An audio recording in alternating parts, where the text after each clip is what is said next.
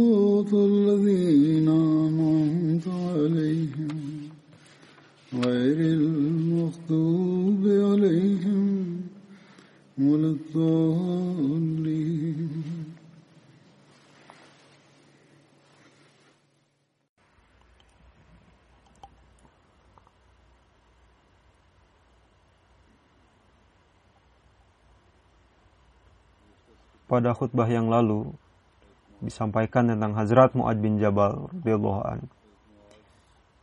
Hari ini masih melanjutkan tentang Hazrat Mu'az. Hazrat Mu'az orang yang sangat dermawan dan sangat royal sehingga sering kali beliau terpaksa harus berhutang. Ketika pemberi hutang sangat mengganggu beliau, maka beliau duduk berdiam diri di rumah selama beberapa hari maka orang-orang itu datang ke hadapan Rasulullah dan memohon Rasulullah untuk memintakan hutang kepada Hazrat Muaz. Hazrat Rasulullah mengirim orang untuk memanggil Hazrat Muaz. Ketika hutang beliau melebihi harta benda yang beliau miliki, maka Rasulullah bersabda, Barang siapa yang tidak mengambil hutangnya, maka Allah akan mengasihinya. Dengan demikian, beberapa orang memaafkan hutang beliau. Namun tetap saja ada beberapa orang yang terus menuntut untuk dibayar hutangnya. Maka Rasulullah SAW membagikan seluruh harta beliau pada mereka. Namun tetap saja tidak seluruh hutang terbayarkan. Bahkan setiap pemberi hutang memang dapat beberapa bagian dari harta itu, tapi mereka masih menuntut sisanya supaya dibayarkan. Kemudian Rasulullah SAW bersabda, Sudahlah, sekarang tidak ada lagi yang bisa kalian dapatkan. Bawalah yang kalian bisa dapatkan. Ketika Hazrat Muaz sudah tidak punya apa-apa lagi, maka Rasulullah mengirim beliau ke Yaman seraya bersabda bahwa sudah dekat waktunya Allah Ta'ala akan mengganti kerugianmu dan membayar hutangmu.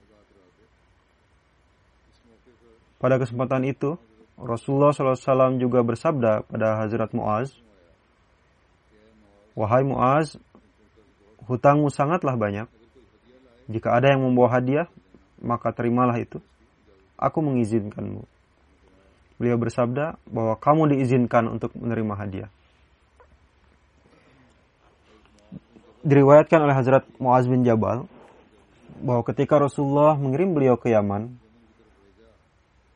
Rasulullah bersabda bahwa tidak ada masalah bagi beliau untuk menerima hadiah. Hadiah itu menambah kecintaan. Kita hendaknya saling menghadiahi satu sama lain. Namun karena beliau dikirim ke Yaman sebagai utusan, maka dari itu Rasulullah secara khusus bersabda bahwa jika orang-orang memberi kamu hadiah sebagai utusan atau perwakilan, maka kamu berwenang menggunakan hadiah itu untuk keperluan pribadimu. Sebab pada umumnya hadiah seperti itu diberikan untuk Baitul Mal atau Rasulullah Shallallahu Alaihi Wasallam. Diriwayatkan oleh Hazrat Muad bin Jabal, ketika Rasulullah mengirim beliau ke Yaman, maka Rasulullah SAW keluar bersama beliau untuk memberi nasihat. Hazrat Muaz duduk di tunggangan beliau dan Rasulullah berjalan bersama tunggangan beliau. ketika Rasulullah SAW telah menyelesaikan kata-katanya, maka beliau bersabda, Wahai Muaz, mungkin saja tahun depan kamu tidak lagi berjumpa denganku. Dan mungkin juga kamu lewat di depan masjid dan kuburku. Perpisahan dengan Hazrat Rasulullah SAW ini membuat Hazrat Muaz menangis terseduh-seduh. Kemudian Rasulullah SAW merubah arahnya dan menghadap ke Madinah. Seraya bersabda, Orang-orang yang dekat denganku adalah yang bertakwa, siapa pun itu mereka, dan di mana pun mereka berada.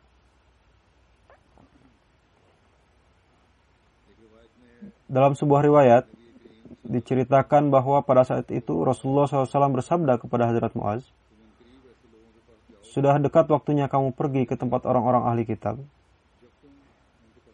Ketika kamu sampai pada mereka, maka ajaklah mereka untuk bersyahadat bahwa tiada Tuhan selain Allah dan Muhammad adalah Rasulnya. Jika mereka mentaatinya, maka sampaikan pada mereka bahwa Allah Ta'ala menetapkan lima waktu salat untuk mereka dalam sehari semalam. Jika mereka mentaatinya, sampaikan pada mereka bahwa Allah Ta'ala menetapkan untuk bersedekah yang diambil dari orang-orang kaya dan diberikan kepada yang membutuhkan.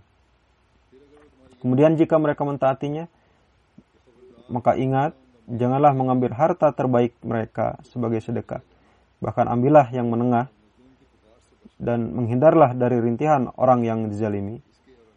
Sebab tiada jarak antara Allah dan orang yang dizalimi. Rasulullah SAW secara khusus menasihatkan untuk menghindar dari rintihan orang yang dizalimi. Sebab tiada jarak antara rintihannya dan Allah Ta'ala. Rasulullah mengutus Hazrat Muaz bin Jabal ke Yaman sebagai kadi. Beliau mengajarkan Al-Quran dan agama, memberi keputusan di antara mereka, ambilin zakat di Yaman, mengumpulkan zakat, dan mengirimnya kepada Hazrat Muaz. Rasulullah SAW membagi pengaturan Yaman pada lima orang sahabat, Hazrat Khalid bin Said, Hazrat Muhajir bin Umayyah, Hazrat Zaid bin Labid, Hazrat Muaz bin Jabal, dan Hazrat Musa bin Ashari. Yani menurut satu riwayat pemerintahan di sana dibagi pada lima orang ini. Hazrat Muaz bin Jabal meriwayatkan, ketika Rasulullah mengirim saya ke Yaman, beliau bersabda, dalam 30 sapi, ambillah satu sapi yang berusia satu tahun sebagai zakat. Dan dalam 40 sapi, zakatnya satu ekor sapi yang berusia dua tahun. Yani beliau menjelaskan tentang syarat zakat dan nisabnya. Dari setiap balik ambillah muafarah, yakni sebuah kain Yaman yang besar, sebesar satu dinar atau seharga itu. Muafir adalah satu nama kabilah yang membuat kain tersebut. Jadi nama itu diambil dari situ. Ini riwayat dari Musnad Ahmad bin Hambal. Alamah Ibnu Ishaq meriwayatkan bahwa kaki Hazrat Mu'ad bin Jabal pincang. Ketika beliau pergi ke Yaman, beliau mengimami salat dan melebarkan kaki beliau Yani mungkin kaki beliau dikedepankan atau dilebarkan ke kanan, apa pun itu bentuknya.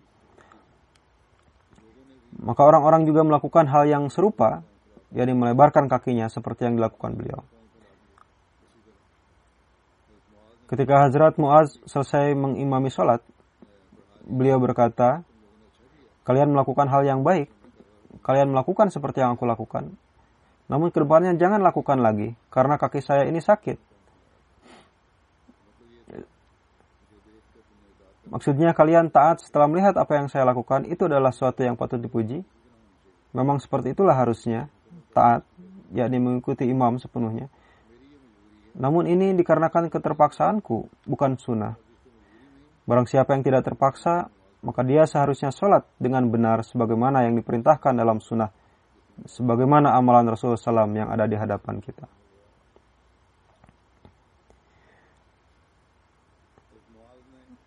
Di Yaman, Hazrat Muaz menggunakan uang Baitul Mal untuk berdagang dan keuntungannya digunakan untuk membayar hutang.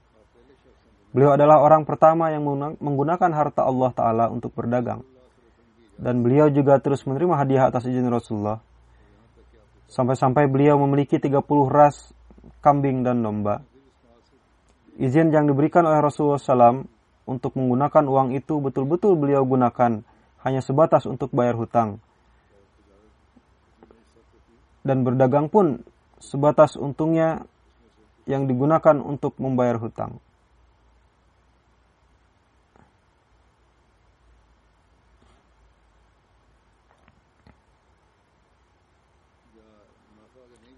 Atau kalaupun beliau tidak mengambil untungnya, maka mungkin saja berapapun keuntungan dari perdagangan itu, dari situ beliau mengambilnya sebagai upah kerja beliau.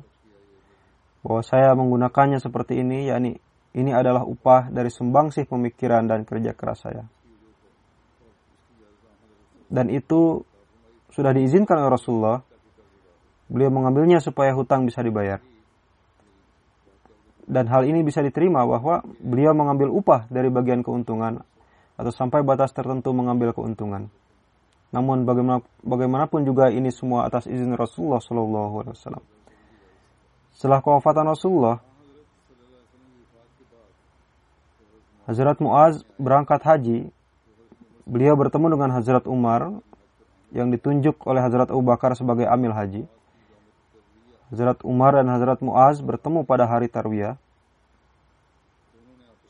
Mereka berdua berpelukan dan saling menyampaikan takziah atas Rasulullah. Keduanya duduk di atas sana dan berbincang. Dalam Al-Isti'yab yang merupakan kitab tarikh juga, tertulis bahwa Hazrat Muaz adalah orang yang sangat dermawan Disebabkan kedermawanan ini dan ringan tangan ini, sampai-sampai seluruh harta beliau habis untuk membayar hutang. Beliau datang kepada Rasulullah SAW dan memohon pada beliau supaya beliau menyampaikan pada para pemberi hutang untuk memaafkan hutang beliau. Ini juga disampaikan tadi sebelumnya. Ini dari sumber yang berbeda atau masih sama juga. Beliau selalu menyampaikan pada pemberi hutang namun mereka menolak untuk memaafkan hutangnya. Kalaupun ada yang mau memaafkan hutang demi seseorang, maka itu hanya akan mereka lakukan demi Rasulullah SAW.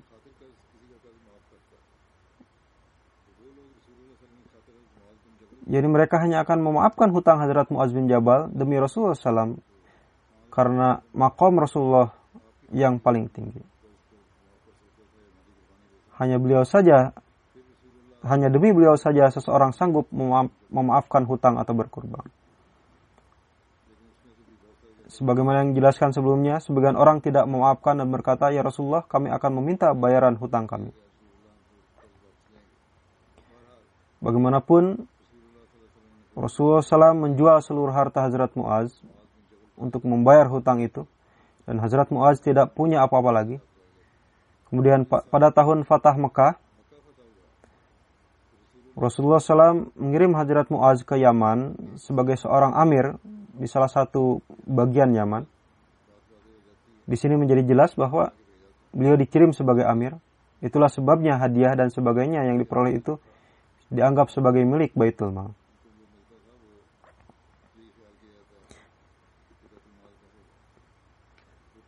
Beliau adalah orang pertama yang menggunakan harta Allah, yakni harta Baitul Mal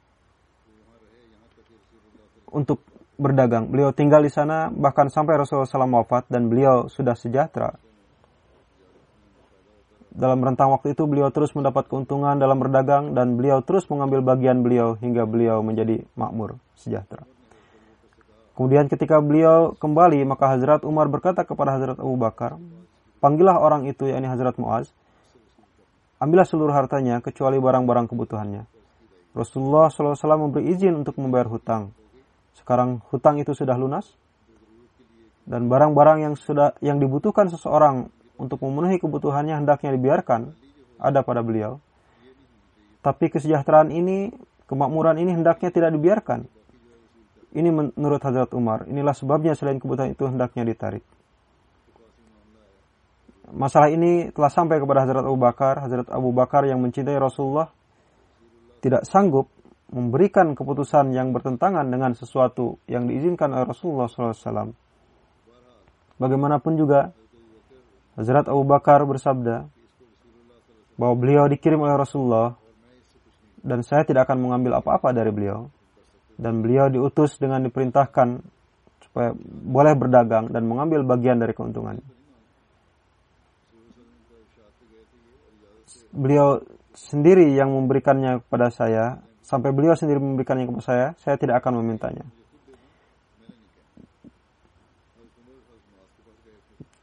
Hazrat Umar pergi kepada Hazrat Muaz. Hazrat Umar adalah seorang yang sangat kokoh dalam memegang prinsip. Beliau pergi kepada Hazrat Muaz dan menyampaikan pandangannya kepada Hazrat Muaz. Hazrat Muaz berkata, Rasulullah yang telah mengirim saya ke sana dengan tujuan supaya kebutuhan-kebutuhan saya terpenuhi dan saya tidak akan memberikan apa pun. Dan hal ini juga terbukti dari riwayat-riwayat dan seluruh sirat kehidupan beliau bahwa jikapun ada kemakmuran pada beliau, maka itu hanya untuk beberapa hari saja. Karena sebagian besar beliau bagi-bagikan kepada orang-orang. Nanti akan disampaikan beberapa riwayat yang dirinya diketahui bahwa bagaimana beliau membagi-bagikan harta tersebut. Kemudian setelah itu Hazrat Muaz pergi kepada Hazrat Umar dan mengatakan, saya akan menuruti perkataan Anda. Sebelumnya beliau mengatakan kepada Hazrat Umar bahwa beliau tidak akan memberikan apa pun. Dan setelah beberapa lama beliau pergi kepada Hazrat Umar dan mengatakan, baiklah saya akan menuruti perkataan Anda. Dan saya akan melakukan sebagaimana yang Anda katakan, karena di dalam mimpi saya melihat bahwa saya tenggelam ke dalam air dan Anda, yakni Hazrat Umar, menyelamatkan saya. Setelah itu beliau datang ke hadapan Hazrat Abu Bakar dan menceritakan semuanya serta bersumpah, saya tidak akan menyembunyikan suatu apa pun dari Anda. Apa yang telah saya ambil semuanya ada di hadapan saya. Hazrat Abu Bakar berkata, saya tidak akan mengambil apa pun dari Anda. Oke, Anda telah memberitahukan semua buku perhitungan kepada saya. Namun saya tidak akan mengambil suatu apa pun. Saya telah memberikan semua itu sebagai hadiah kepada Anda. Hazrat Umar berkata, ini adalah solusi yang terbaik. Hazrat Umar turut serta pada saat itu ketika beliau mengetahui hal ini bahwa karena sang Khalifah Ewak telah memutuskan untuk memberikan semuanya kepada Hazrat Muaz, maka Hazrat Umar menerima keputusan ini dengan penuh ketaatan. Bukanlah maksud dari Hazrat Umar untuk mempersalahkan mengapa Hazrat Muaz terus mengambilnya. Maksud beliau adalah bahwa setelah kewafatan Rasulullah, sekarang seharusnya menjadi keputusan dari Khalifah Ewak. Apakah Hazrat Muaz bisa membelajarkannya ataukah tidak? Ataukah apakah beliau bisa menyimpan harta itu untuk dirinya ataukah tidak. Awalnya Hazrat Umar bersikeras supaya hendaknya harta itu diambil, namun ketika Hazrat Abu Bakar telah memutuskan untuk tidak mengambilnya dan memberikannya sebagai hadiah, maka kemudian Hazrat Umar tidak mempunyai suatu helah apa pun. Dengan tenang beliau mengatakan, baiklah, keputusan ini adalah solusi terbaik dari semua perkara ini. Dalam hal ini terdapat penjelasan lebih lanjut bahwa Allah Ta'ala pun tidak mengarahkan perhatian Hazrat Muaz terhadap hal ini selama keperluan-keperluan beliau belum terpenuhi. Dan ketika Hazrat Rasulullah telah wafat, kebutuhan-kebutuhan beliau pun terpenuhi, telah tercipta kelapangan dan hutang-hutang pun telah terlunasi, maka Allah Ta'ala sendiri yang melalui mimpi menarik perhatian Hazrat Muaz terhadap hal ini. Bahwa sekarang penuhilah kebutuhan dan dengan hartamu sendiri. Sekarang engkau tidak bisa lagi menerima hadiah sebagai amir. Tidak pula engkau bisa memenuhi kebutuhan dari Baitul Mal. Dan setelah itu beliau pun tidak lama tinggal di sana. Inilah penjelasannya secara singkat. Diriwayatkan dari Hazrat Muaz radhiyallahu an bahwa ketika Rasulullah SAW mengirim beliau ke Yaman, beliau bersabda, ketika kamu dihadapkan kepada suatu permasalahan, bagaimana kamu akan memutuskan? Hazrat Muaz menjawab, saya akan memutuskan dengan merujuk pada kitab Allah. Beliau bertanya lagi, bagaimana jika dalam kitab Allah tidak ditemukan jawabannya? Hazrat Muaz menjawab, saya akan memutuskan berdasarkan sunnah Rasulullah. Rasulullah bertanya lagi, bagaimana jika di dalam sunnah Rasulnya pun tidak didapati hukumnya? Hazrat Muaz menjawab, saya akan berijtihad dengan pendapat saya sendiri dan saya tidak akan melakukan kelalaian dalam hal ini. Hazrat Muaz meriwayatkan, kemudian setelah mendengar jawaban ini Rasulullah SAW menumpuk dada saya dan bersabda, segala puji bagi Allah, segala puji bagi Allah yang telah memberikan taufik kepada utusan dari Rasul Allah untuk suatu hal yang membuat Rasul Allah senang. Diriwayatkan dari Hazrat Muaz bahwa Rasulullah ketika mengutus beliau ke Yaman, beliau SAW bersabda, hindarilah kehidupan yang mewah, karena para hamba Allah tidak menjalani kehidupan yang mewah. Riwayat ini menjelaskan lebih lanjut bahwa hadiah dan harta dari hasil perdagangan tersebut adalah untuk pembayaran hutang. Dan Hazrat Rasulullah SAW mengetahui bahwa tangan beliau terbuka, beliau biasa menolong orang-orang miskin, beliau akan membelanjakannya untuk hal tersebut. Namun Hazrat Rasulullah SAW tetap memberikan nasihat bahwa semua izin ini beliau berikan kepada Hazrat Muaz bukanlah untuk menjalani kehidupan yang mewah, melainkan untuk tujuan memenuhi keperluan-keperluan beliau. Rasulullah SAW menekankan untuk menghindarinya. Hazrat Muaz meriwayatkan, ketika saya memujakan kaki saya pada tunggangan untuk berangkat menuju Yaman, Rasulullah memberikan nasihat terakhir kepada saya, bahwa perlihatkanlah akhlak yang baik terhadap orang-orang. Lihatlah kondisi umat Islam saat ini, Apakah mereka menunjukkan hal ini dan merayakan siratun Nabi dengan cara seperti ini? Tujuan sebenarnya dari merayakan miladun Nabi adalah mengamalkan teladan dan nasihat-nasihat beliau SAW. Ketika Hazrat Rasulullah SAW mengutus dan menjadikan Hazrat Muaz gubernur Yaman, beliau menjelaskan kedudukan Hazrat Muaz sebagai berikut, bahwa saya mengutus yang terbaik dari antara orang-orang saya kepada kalian. Ibnu Abu Najih meriwayatkan bahwa Rasulullah SAW menjadikan Hazrat Muaz sebagai gubernur dan mengutusnya kepada para penduduk Yaman dan bersabda kepada para penduduk Yaman, Sesungguhnya aku menjadikan seseorang yang terbaik dan dari antara umatku yang berilmu dan menguasai ilmu agama sebagai gubernur bagi kalian. Terdapat sebuah hadis riwayat dari Musnad Ahmad bin Hambal bahwa Hazrat Muaz radhiyallahu an meriwayatkan Hazrat Rasulullah Shallallahu Alaihi Wasallam mewasiatkan 10 perkara kepadaku. Yang pertama adalah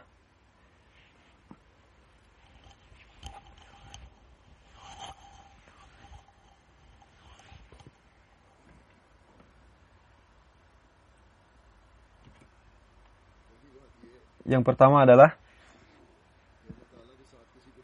janganlah menyekutukan Allah dengan siapa pun meskipun kamu dibunuh atau dibakar. Yang kedua, janganlah durhaka kepada kedua orang tua, walaupun mereka menyuruhmu berpisah dengan seluruh keluarga dan hartamu. Janganlah mendurhakai orang tua, apa pun yang terjadi. Kemudian yang ketiga, janganlah meninggalkan sholat fardu dengan sengaja karena barang siapa meninggalkan salat fardu dengan sengaja, maka ia terlepas dari tanggung jawab dan perlindungan Allah Ta'ala. Kemudian beliau bersabda, janganlah minum minuman keras, karena minuman keras adalah pangkal dari segala kekejian. Kemudian beliau bersabda, jauhilah dosa dan kemaksiatan, karena dosa menyebabkan turunnya kemurkaan Allah. Kemudian beliau bersabda, janganlah lari dari medan perang. Ketika berhadapan dengan musuh, janganlah melarikan diri karena takut meskipun teman-temanmu gugur. Kemudian beliau bersabda, jika orang-orang terkena wabah tahun sedangkan kamu berada di antara mereka, maka tetaplah berada di tempat tinggalmu.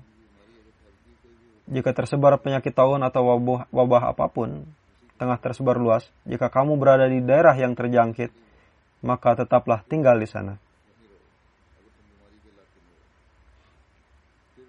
Kemudian beliau bersabda, Berikanlah nafkah kepada keluargamu sesuai dengan kemampuanmu.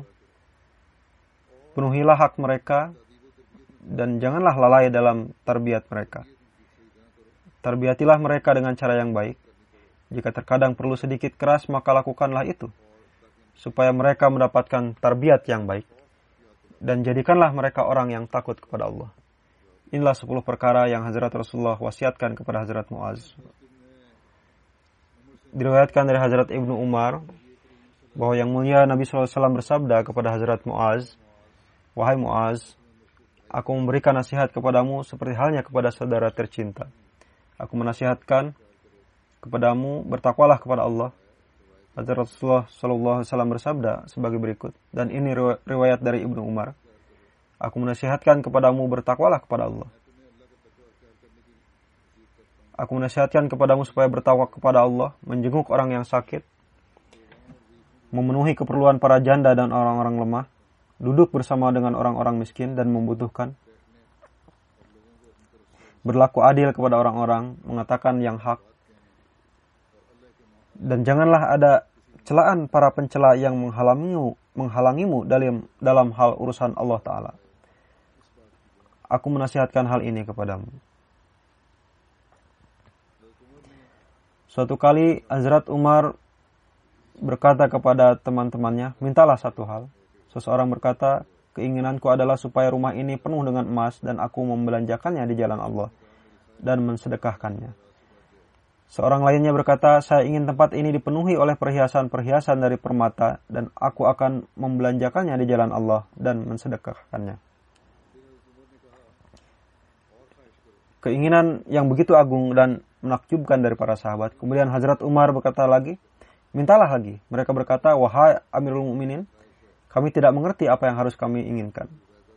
Hazrat Umar bersabda, keinginanku adalah supaya rumah ini dipenuhi oleh orang-orang berikut ini, yakni Hazrat Abu Ubaidah bin Jarrah, Hazrat Muaz bin Jabal, Hazrat Salim Maula, Hazrat Abu Huzaifah, dan Hazrat Huzaifah bin Yaman.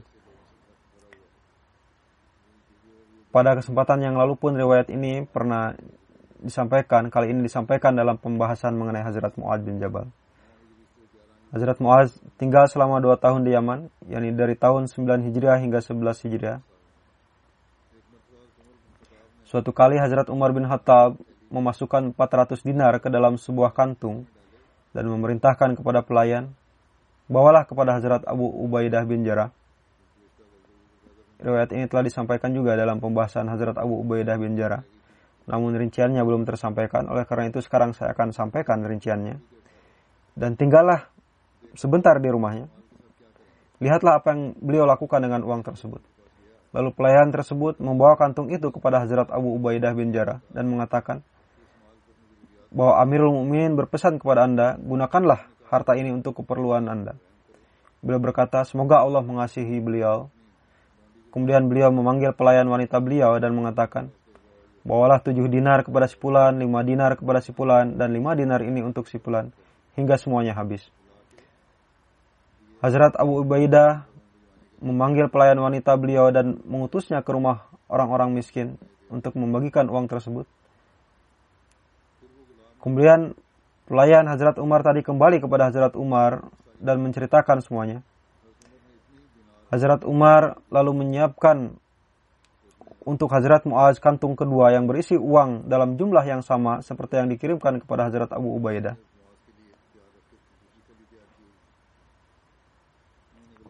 Beliau memerintahkan kepada pelayannya, bawalah ini kepada Hazrat Muaz dan tinggallah sebentar di rumahnya dan lihatlah apa yang beliau lakukan dengan uang tersebut.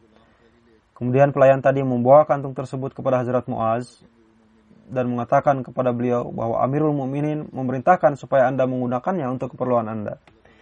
Hazrat Muaz berkata, semoga Allah Ta'ala mengasihi beliau. Kemudian beliau memanggil pelayan wanita dan mengatakan, bawalah sekian dinar ke rumah si Pulan. Sekian dinar ke rumah si Pulan. Tidak berapa lama datang juga istri Hazrat Muaz dan mengatakan, demi Tuhan, kita pun orang miskin. Di rumah tidak ada apa-apa, simpanlah sedikit untuk di rumah. Dengan riwayat ini, masalah yang sebelumnya berkenaan dengan hasil keuntungan dan juga menerima hadiah menjadi semakin jelas. Di sini menjadi jelas bahwa di rumah kita tidak ada apa pun. Kita pun termasuk orang miskin, sisakan untuk kita juga. Waktu itu dalam kantung hanya tersisa dua dinar, semuanya telah dibagikan. Hazrat Muaz memberikan dua dinar tersebut kepada istri beliau. Dan pelayan tadi datang kepada Hazrat Umar dan menceritakan hal ini kepada beliau semuanya. Hazrat Umar merasa sangat senang atas hal ini dan bersabda, sungguh keduanya, yakni Hazrat Abu Ubaidah dan Hazrat Muaz satu sama lain saling bersaudara. Demikian juga dalam hal membelanjakan harta, mereka memiliki sifat yang sama.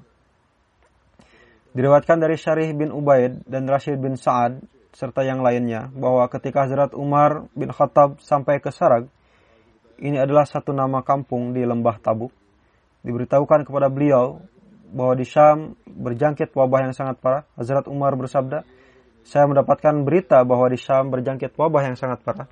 Menurut pandangan saya, jika waktu kewafatan saya tiba dan Hazrat Abu Ubaidah bin Jarrah masih hidup, maka saya akan menetapkan beliau sebagai khalifah.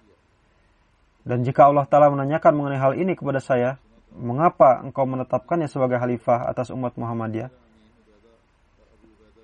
Saya akan menjawab bahwa saya mendengar Rasul engkau bersabda bahwa setiap nabi mempunyai seorang penjaga amanah dan penjaga amanahku adalah Abu Ubaidah bin Jarrah. Sebelumnya pun ini pernah disampaikan. Orang-orang tidak menyukai perkataan ini. Mereka mengatakan bahwa akan seperti apa jadinya para pembesar Quraisy yakni Bani Fahar. Kemudian Hazrat Umar bersabda, jika waktu kewafatan saya tiba dan Hazrat Abu Ubaidah pun telah wafat, maka saya akan menetapkan Hazrat Muaz bin Jabal sebagai khalifah. Dan jika Tuhan saya bertanya kepada saya, mengapa kamu menetapkannya sebagai khalifah? Maka saya akan mengatakan bahwa saya mendengar Rasul engkau bersabda, pada hari kiamat beliau akan dibawa ke depan para ulama, kedudukan beliau sangatlah tinggi dalam hal keilmuan. Hazrat Muaz bin Jabal dan Hazrat Abu Ubaidah bin Jarrah pada kesempatan Perang Yarmuk tahun 15 Hijriah ditetapkan sebagai komandan dari pasukan sayap kanan Serangan orang-orang Kristen begitu dahsyat sehingga pasukan sayap kanan kaum muslimin menjadi terpecah, terpisah dari pasukan dan tercerai-berai. Ketika melihat kondisi ini, Hazrat Muaz membuktikan keberanian dan keteguhan langkah beliau dan turun dari kudanya dan berkata, "Sekarang saya akan berperang dengan berjalan kaki. Jika ada seorang pemberani yang bisa menggunakan kuda ini, maka kuda ini siap untuknya." Putra beliau pun ada di medan perang. Beliau mengatakan, saya yang akan menggunakannya karena saya bisa berperang dengan baik sambil berkuda. Alhasil ayah dan anak ini menerobos pasukan Romawi dan berperang dengan gagah berani. Sehingga pasukan muslim yang telah tercerai berai itu menjadi stabil kembali. Dan mereka mengalahkan kondisi yang menakutkan itu dan membawa kemenangan bagi kaum muslimin. Abu Idris Khawlani meriwayatkan bahwa saya masuk ke Masjid Damaskus di Syam. Di sana ada seorang pemuda yang bergigi putih bersih dan di sekelilingnya berkumpul orang-orang. Ketika orang-orang berselisih mengenai suatu perkara, maka permasalahan tersebut dibawa kepadanya dan mereka mengutamakan pendapatnya. Saya menanyakan mengenai pemuda tersebut, maka dijelaskan bahwa ini adalah Hazrat Muaz bin Jabal radhiyallahu anhu. Keesokan harinya saya datang pada pertengahan hari dan melihat bahwa sebelum saya telah ada beberapa orang di sana. Saya melihat beliau sedang melakukan sholat. Saya menunggu beliau. Setelah selesai sholat, saya berjalan ke depan beliau lalu menyelaminya. Saya katakan kepada beliau, demi Tuhan, saya mencintai Anda. Hazrat Muaz berkata, demi Tuhan. Saya menjawab, ya demi Tuhan. Hazrat Muaz berkata lagi, demi Tuhan. Saya jawab, ya demi Tuhan. Lalu beliau memegang ujung kain cadar saya, lalu menarik saya ke arahnya dan bersabda, Berbahagialah, karena saya pernah mendengar Rasulullah SAW bersabda, Allah Ta'ala berfirman, orang yang saling mencintai demi aku, orang yang duduk satu sama lain demi aku, orang yang saling bertemu demi aku, dan untuk orang yang membelanjakan satu sama lain demi aku. Bagi mereka telah diwajibkan untuk mendapatkan kecintaanku yakni kecintaan Allah Ta'ala telah diwajibkan atas mereka. Dalam satu riwayat dikatakan bahwa beliau memiliki dua istri. Ketika beliau berada di rumah salah satunya, sesuai dengan giliran, maka ketika di rumah istri yang lainnya beliau tidak melakukan apa-apa walau hanya minum air. Sedemikian adilnya beliau. Dalam riwayat lain dikatakan, beliau memiliki dua istri, ketika tiba di giliran di rumah salah satunya maka beliau tidak melakukan apa pun di rumah yang lainnya walau hanya untuk wudhu. Kedua istri beliau tersebut wafat di negeri Syria disebabkan oleh wabah penyakit. Keduanya dikuburkan dalam satu kuburan. Ketika pemakaman Hazrat Muaz mengundi istri yang mana yang pertama dikuburkan. Demikianlah sikap adil beliau. Dalam riwayat Sirus Sahabah dikatakan bahwa beliau memiliki dua istri Keduanya wafat disebabkan oleh taun amwas yang sedang merebak pada masa itu. Seorang putra beliau diketahui bernama Abdurrahman yang ikut serta dalam perang Yarmuk bersama Hazrat Muaz. Putra beliau pun wafat disebabkan oleh taun amwas. Ketika Hazrat Ubaidah wafat disebabkan oleh tahun Amwas, kemudian Hazrat Umar menetapkan Hazrat Muaz sebagai amil untuk Syam. Amwas adalah nama sebuah kampung yang sebelumnya pernah saya jelaskan, berjarak 7 mil dari Yarmalah ke arah Baitul Muqaddas. Hazrat Muaz juga wafat pada tahun tersebut disebabkan oleh tahun. Kasir bin Murrah meriwayatkan, ketika sakit, Hazrat Muaz bersabda kepada kami, saya pernah mendengar Rasulullah SAW bersabda, yang saya rahasiakan dari kalian. Saya mendengar Rasulullah bersabda, Barang siapa yang menjelang kematiannya mengucapkan la ilaha illallah, maka surga akan diwajibkan bagi orang tersebut. Dalam riwayat lain, Hazrat Muaz bersabda, yang membuat saya enggan untuk menyampaikan hadis ini kepada kalian adalah supaya kalian jangan hanya bergantung pada hal ini saja lalu meninggalkan amalan yang lainnya. Ketika tahun mewabah di Syam, Hazrat Muaz pun terjangkit penyakit tersebut dan mengakibatkan beliau pingsan. Ketika sadarkan diri beliau berkata, Ya Allah, berikanlah kesedihanmu padaku. Demi kemuliaanmu, engkau maha tahu bahwa aku mencintaimu. Lalu beliau pingsan lagi.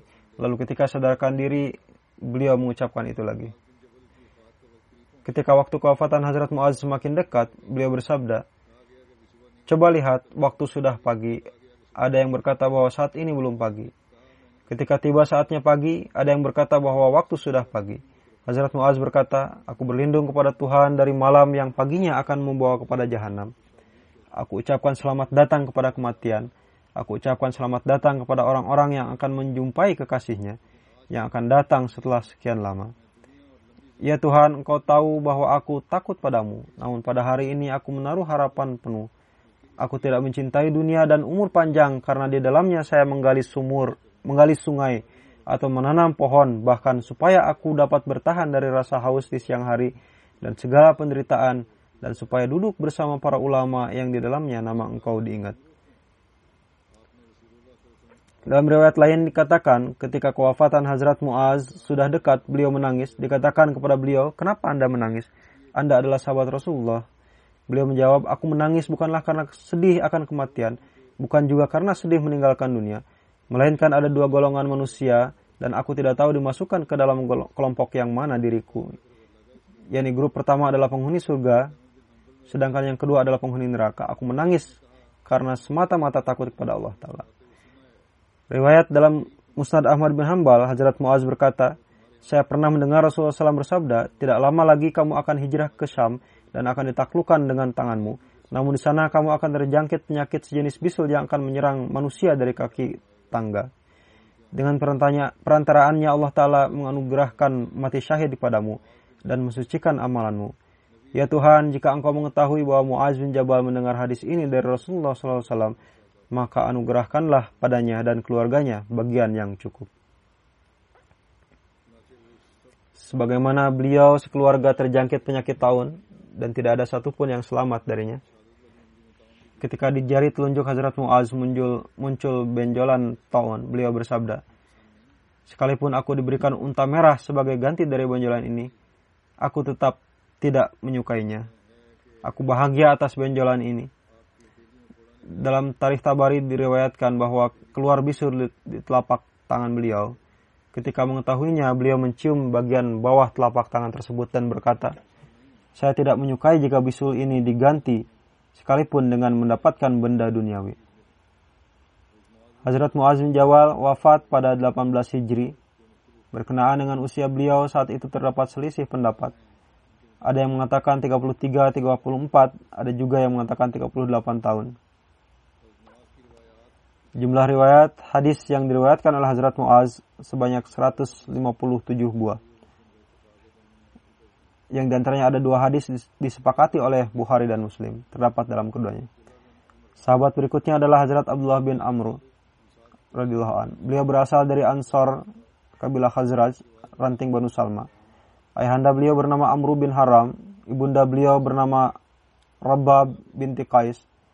Hazrat Abdullah bin Amr lahir sekitar 40 tahun sebelum hijrah Nabi. yakni ketika hijrah, beliau berusia 40 tahun. Beliau adalah ayah dari sahabat terkenal bernama Hazrat Jabir bin Abdullah. Hazrat Abdullah bin Amru adalah saudara tiri Hazrat Amru bin Jamu. Beliau ikut serta pada bayat, bayat Aqabah Saniyah dan termasuk salah satu di antara 12 nakib yang ditetapkan Rasulullah. Beliau ikut serta pada perang Badar dan syahid pada perang Uhud. Sebagian berpendapat bahwa beliau adalah yang pertama syahid dari pihak muslim ketika perang Uhud. Berkenaan dengan bayatnya beliau dijelaskan sebagai berikut. Hazrat Ka'ab bin Malik meriwayatkan, kami berjanji untuk bertemu dengan Rasulullah di Aqabah pada pertengahan hari Tashrik, yakni tiga hari terakhir dari haji, dari 11 sampai 13 Zulhijjah. Aqabah terletak di antara Mekah dan Mina. Sebelumnya pun pernah saya sampaikan. Ketika kami selesai ibadah haji dan tiba malam yang mana kami berjanji untuk berjumpa dengan Rasulullah. Bersama kami ada juga Abdullah bin Amru yang merupakan salah satu di antara pemimpin kami dan di antara orang-orang yang dihormati. Kami mengajak beliau, kami merahasiakan urusan kami dari orang-orang musyrik. Kami katakan kepada beliau, wahai Abu Jabir, Tuhan adalah salah satu dari antara pemimpin kami dan juga orang terhormat kami.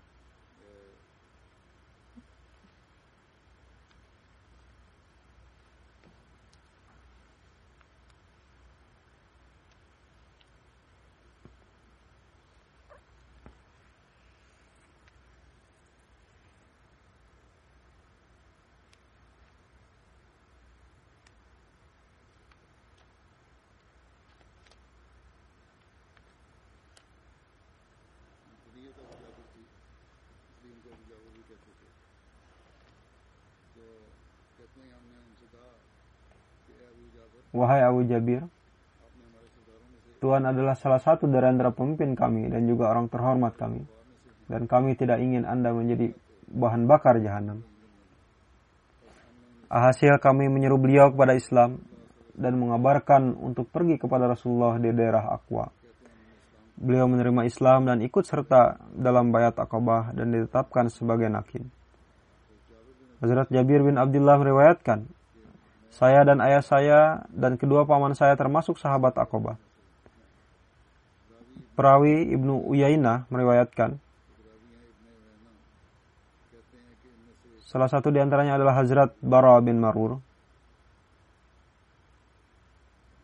Berkenaan dengan Aqabah pernah saya sampaikan dari sirat Khataman Nabiyin secara detail berkenaan dengan tema seorang sahabat, bahkan dalam kisah dua sahabat.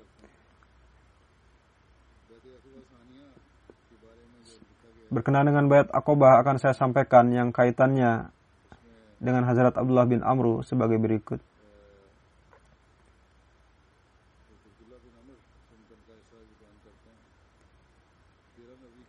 Pada bulan 13 Nawawi Zulhijjah, pada kesempatan haji, beberapa ratus orang dari Aus dan Khazraj datang ke Mekah. Di dalamnya termasuk juga 70 orang atau yang sudah masuk Islam atau yang ingin masuk Islam mereka datang ke Mekah untuk menjumpai Hazrat Rasulullah Shallallahu Alaihi Wasallam. Dikarenakan pada saat itu diperlukan suatu pertemuan bersama dan secara rahasia, yakni hendaknya ada pertemuan terpisah. Oleh karena itu, setelah selesai prosesi haji, ditetapkanlah pada tanggal pertengahan di bulan Zulhijjah. Di hari itu menjelang tengah malam semua orang hendaknya datang ke lembah yang sama seperti tahun lalu untuk menemui Rasulullah SAW sehingga bisa berbincang dengan tenang dan luas luasa. Dan beliau SAW menekankan kepada para ansor supaya jangan datang bergerombol, melainkan datang satu persatu atau dua-dua orang. Karena bisa terlihat oleh musuh, dan hendaknya datang ke lembah pada waktu yang telah ditetapkan. Dan jika ada yang tertidur, maka jangan dibangunkan, jangan juga menunggu orang yang tidak hadir sebagaimana pada tanggal yang telah ditetapkan pada malam hari saat berlalu satu per tiga malam, Rasul keluar dari rumah sendiri dan di jalan beliau mengajak paman beliau. Abbas yang saat itu belum bayat, namun mencintai Rasul dan seorang pemimpin keluarga Hashim. Beliau berdua sampai di sungai tersebut. Tidak lama kemudian para ansor datang silih berganti sebanyak dua orang dua orang. Mereka berjumlah 70 orang yang berasal dari kabilah Aus dan Khazraj. Abbas yang paling pertama memulai perbincangan, wahai kelompok Hazraj, Muhammad adalah seorang terhormat dan dicintai di dalam keluarga besarnya. Dan sampai saat ini keluarganya menjamin keselamatannya. dan siap berkorban untuknya dalam keadaan genting. Namun saat ini Muhammad beriradah untuk meninggalkan negerinya dan pergi ke tempat kalian. Jika kalian berkeinginan untuk membawanya beserta kalian, maka kalian harus melindunginya dalam berbagai keadaan dan kalian harus menjaganya dari bahaya musuh. Jika kalian sanggup untuk hal itu, maka itu lebih baik. Jika tidak, sampaikan saja terus terang saat ini juga. Karena cara demikian adalah baik. Bara bin Marur, seorang senior dan berpengaruh di kalangan Ansor, mengatakan, Wahai Abbas, kami telah mendengar apa yang kamu sampaikan, namun kami ingin Rasulullah SAW sendiri yang menyampaikan secara langsung apa saja tanggung jawab yang ingin beliau berikan kepada kami. Lalu Rasul melewatkan beberapa ayat Al-Quran, lalu menyampaikan ajaran Islam dalam ceramah singkatnya, dan menjelaskan perihal hukumullah dan hukul ibad. Beliau bersabda, yang saya harapkan untuk diri saya hanyalah sebagaimana kalian menjaga kerabatan orang-orang yang kalian cintai, seperti itu juga perlakukanlah aku jika diperlukan. Setelah selesai menyampaikan ceramahnya, sesuai dengan tradisi Arab, Bara bin Marur memegang tangan Rasulullah SAW dan berkata, Wahai Rasulullah, demi Tuhan yang telah mengutus engkau dengan kebenaran, kami akan melindungi Anda seperti melindungi jiwa kami sendiri.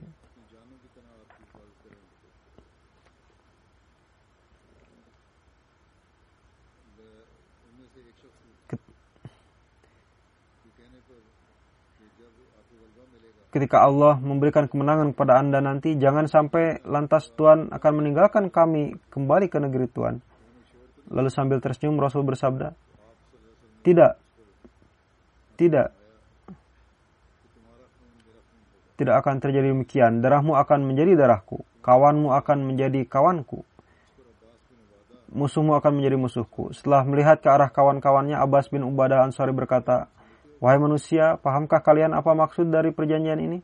Maksudnya adalah kalian harus siap untuk menghadapi setiap kulit putih dan hitam. Kalian kalian harus selalu siap untuk menghadapi orang yang memusuhi Rasulullah dan bersedia untuk menghadapi segala pengorbanan.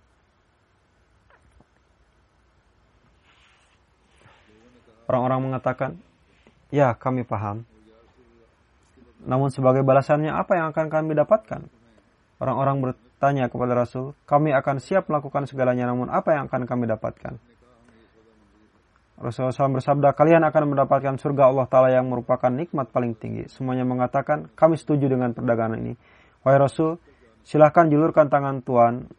Lalu Rasul menjulurkan tangan berberkat beliau dan sekelompok 70 orang yang bersedia mengorbankan jiwa ini bayat di tangan beliau dalam perjanjian untuk memberikan pembelaan.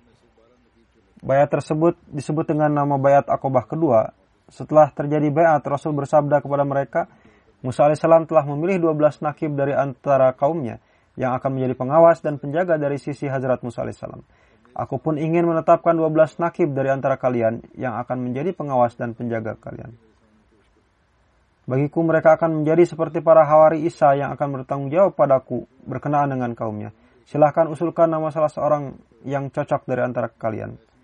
Lalu dipilih 12 nama dan disetujui oleh Rasulullah SAW. Mereka ditetapkan sebagai pengawas bagi berbagai kabilah. Lalu dijelaskan tanggung jawabnya. Untuk beberapa kabilah telah ditetapkan dua nakib oleh Rasul. Alhasil di antara kedua belas pengawas tersebut salah satunya adalah Abdullah bin Amr yang beliau tetapkan sebagai nakib atau pengawas. Dalam satu riwayat pada kesempatan perang Uhud ketika pemimpin kaum munafikin Abdullah bin Ubay bin Sulul melakukan pengkhianatan, Lalu Hazrat Abdullah bin Amru berusaha menasihati orang-orang itu. Hazrat Jabir bin Abdullah meriwayatkan, ayah saya Hazrat Abdullah bin Amr dan paman disyahidkan pada perang Uhud. Ibunda saya, ibunda saya yakni Hazrat yakni istri Hazrat Amru bin Jamu meletakkan kedua jenazah tersebut di atas unta. Namun ada pengumuman dari Rasulullah SAW bahwa kuburkanlah orang-orang yang terbunuh di tempat mereka wafat. Mendengar itu, kedua jenazah tersebut dibawa lagi dan dikuburkan di tempat mereka terbunuh. Dalam riwayat lain, Hazrat Anas bin Malik meriwayatkan pada saat perang Uhud menyebar kabar di Madinah bahwa Rasulullah SAW telah syahid. Setelah mendengar kabar tersebut, mulailah terdengar suara tangisan di Madinah. Saat itu seorang wanita Ansar pergi menuju Uhud. Di jalan ia melihat jenazah ayahnya, suaminya, dan juga saudaranya. Perawi berkata, entahlah siapa yang paling pertama ia lihat. Ketika ia lewat di antara mereka, ia berkata, siapa ini? Orang-orang menjawab, ini adalah ayahmu, saudara kamu dan suami kamu, dan juga anak kamu. Wanita itu bertanya, bagaimana kabar Rasulullah? Mereka menjawab, Rasulullah ada di tengah-tengah kita. Lalu wanita itu hadir ke hadapan Rasulullah, lalu memegang ujung kain Rasul dan berkata, Wahai Rasulullah, kedua orang tu kedua orang tuaku rela berkorban demi Tuhan, demi Tuhan. Jika Tuhan selamat, maka saya tidak pedulikan lagi kematian siapa pun. Hadrat Khalifatul Masih Ar-Rabi rahmatullah alaih beberapa tahun sebelum menjadi khalifah menyampaikan pidato di jasa Salana berkenaan dengan sirat Hazrat Rasulullah SAW dan peperangan Ghazwa. Beliau juga menyinggung berkenaan dengan Hazrat Abdullah bin Amr yang akan saya sampaikan juga pada kesempatan ini. Bersabda, saudari Hazrat Abdullah bin Amr, yakni istri dari Hazrat Amr bin Jamu, seperti halnya saudaranya, beliau pun sangat mencintai Rasulullah Suami beliau wafat dalam perang tersebut. Begitu juga putra beliau. Namun kebahagiaan atas selamatnya Rasulullah SAW lebih dominan dari semua kesedihan itu. Hazrat Aisyah meriwayatkan, saya pergi ke medan perang untuk mengetahui keadaan. Di jalan saya mendapati istri Amr bin Jamuh tengah memegangi tali unta. Saya bertanya kepadanya, bagaimana kabar di medan perang? Wanita itu menjawab, Alhamdulillah baik-baik saja. Hazrat Muhammad SAW baik-baik saja. Tidak lama kemudian pandangannya, pandangan saya tertuju kepada unta yang di atasnya terdapat muatan. Saya bertanya apa yang ada di atas unta itu. Beliau menjawab jenazah suami saya Amr bin Jamu, jenazah saudara saya Abdullah bin Amr, juga jenazah anak saya Khalad.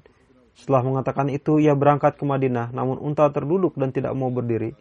Akhirnya ketika berdiri menolak untuk pergi ke Madinah.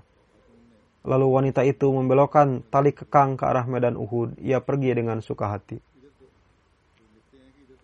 Di satu sisi berlalu pemandangan kecintaan seorang wanita kepada Rasulullah SAW. Sementara di sisi lain Rasulullah SAW bersabda kepada sahabat, Pergi dan carilah jenazah Amru bin Jamu dan Abdullah bin Amru agar mereka dapat dikuburkan bersama. Karena di dunia ini pun mereka berdua saling mencintai. Rasulullah SAW juga sangat memperhatikan mereka berdua. Tertulis di dalam satu riwayat ketika Abdullah bin Amr beriradah untuk pergi ke perang Uhud. Beliau memanggil putra beliau Hazrat Jabir dan berkata, Wahai anakku, aku melihat bahwa aku adalah yang paling pertama di antara yang syahid. Demi Tuhan, setelah zat Rasulullah SAW, selain kamu, aku tidak akan meninggalkan siapa pun yang lebih aku cintai. Aku masih berhutang tanggung jawab, bayarlah hutangku itu atas namaku. Aku wasiatkan padamu untuk memperlakukan baik saudari-saudarimu. Hazrat Jabir meriwayatkan, pada keesokan paginya ayah saya yang paling pertama syahid. Musuh memutilasi hidung dan telinga beliau. Hazrat Jabir bin Abdullah meriwayatkan ketika Rasulullah SAW berangkat untuk menguburkan para syuhada Uhud. Beliau bersabda, kafanilah mereka dalam keadaan luka, karena aku menjadi saksi atas mereka, dan tidak ada muslim yang dilukai di jalan Allah, namun pada hari kiamat akan datang dengan kondisi darah mengalir. Warnanya warna zafran, dan wanginya seperti wangi kasturi. Yani mereka adalah orang-orang yang disukai yang akan hadir ke hadapan Allah Ta'ala. Mereka tidak perlu dimandikan ataupun dikafani. Pakaian mereka sendirilah yang merupakan kafan mereka. Hazrat Jabir berkata, ayah saya diberikan kafan satu kain cadar. Beliau bersabda, siapa yang paling memahami Al-Quran di antara mereka, yakni ketika para syuhada tengah dimakamkan, Rasulullah bersabda, siapa yang paling memahami Al-Quran ketika disyahidkan? Ketika diisyarahkan kepada seseorang, beliau bersabda, turunkanlah ia ke dalam kubur sebelum kawan-kawannya.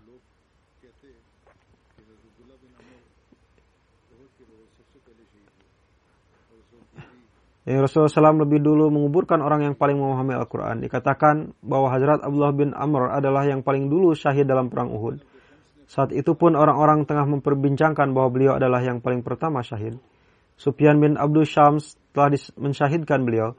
Jadi Rasulullah SAW menyelatkan jenazah beliau sebelum hazimat. Rasul bersabda, kuburkanlah Abdullah bin Amr dan Amr bin Jamuh dalam satu kuburan. Karena di antara mereka terdapat keikhlasan dan rasa cinta. Rasul bersabda, mereka yang saling mencintai di dunia, kuburkanlah dalam satu kuburan Abdullah bin Amr berkulit kemerahan.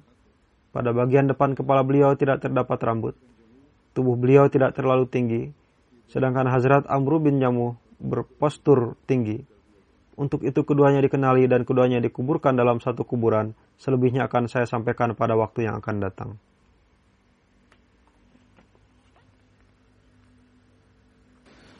Alhamdulillah الحمد لله نحمده ونستعينه ونستغفره ونؤمن به ونتوكل عليه.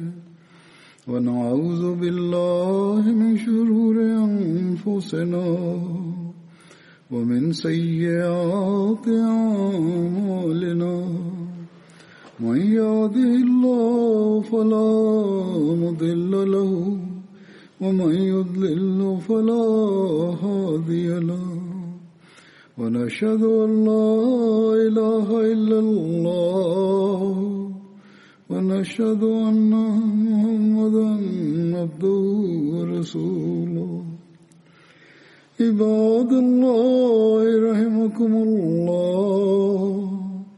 إن الله يأمر بالعدل واللسان وإيتاء ذي القربى. وينهى عن الفحشاء والمنكر والبغي يعظكم لعلكم تذكرون. اذكروا الله يذكركم وادعوه يستجب لكم ولذكر الله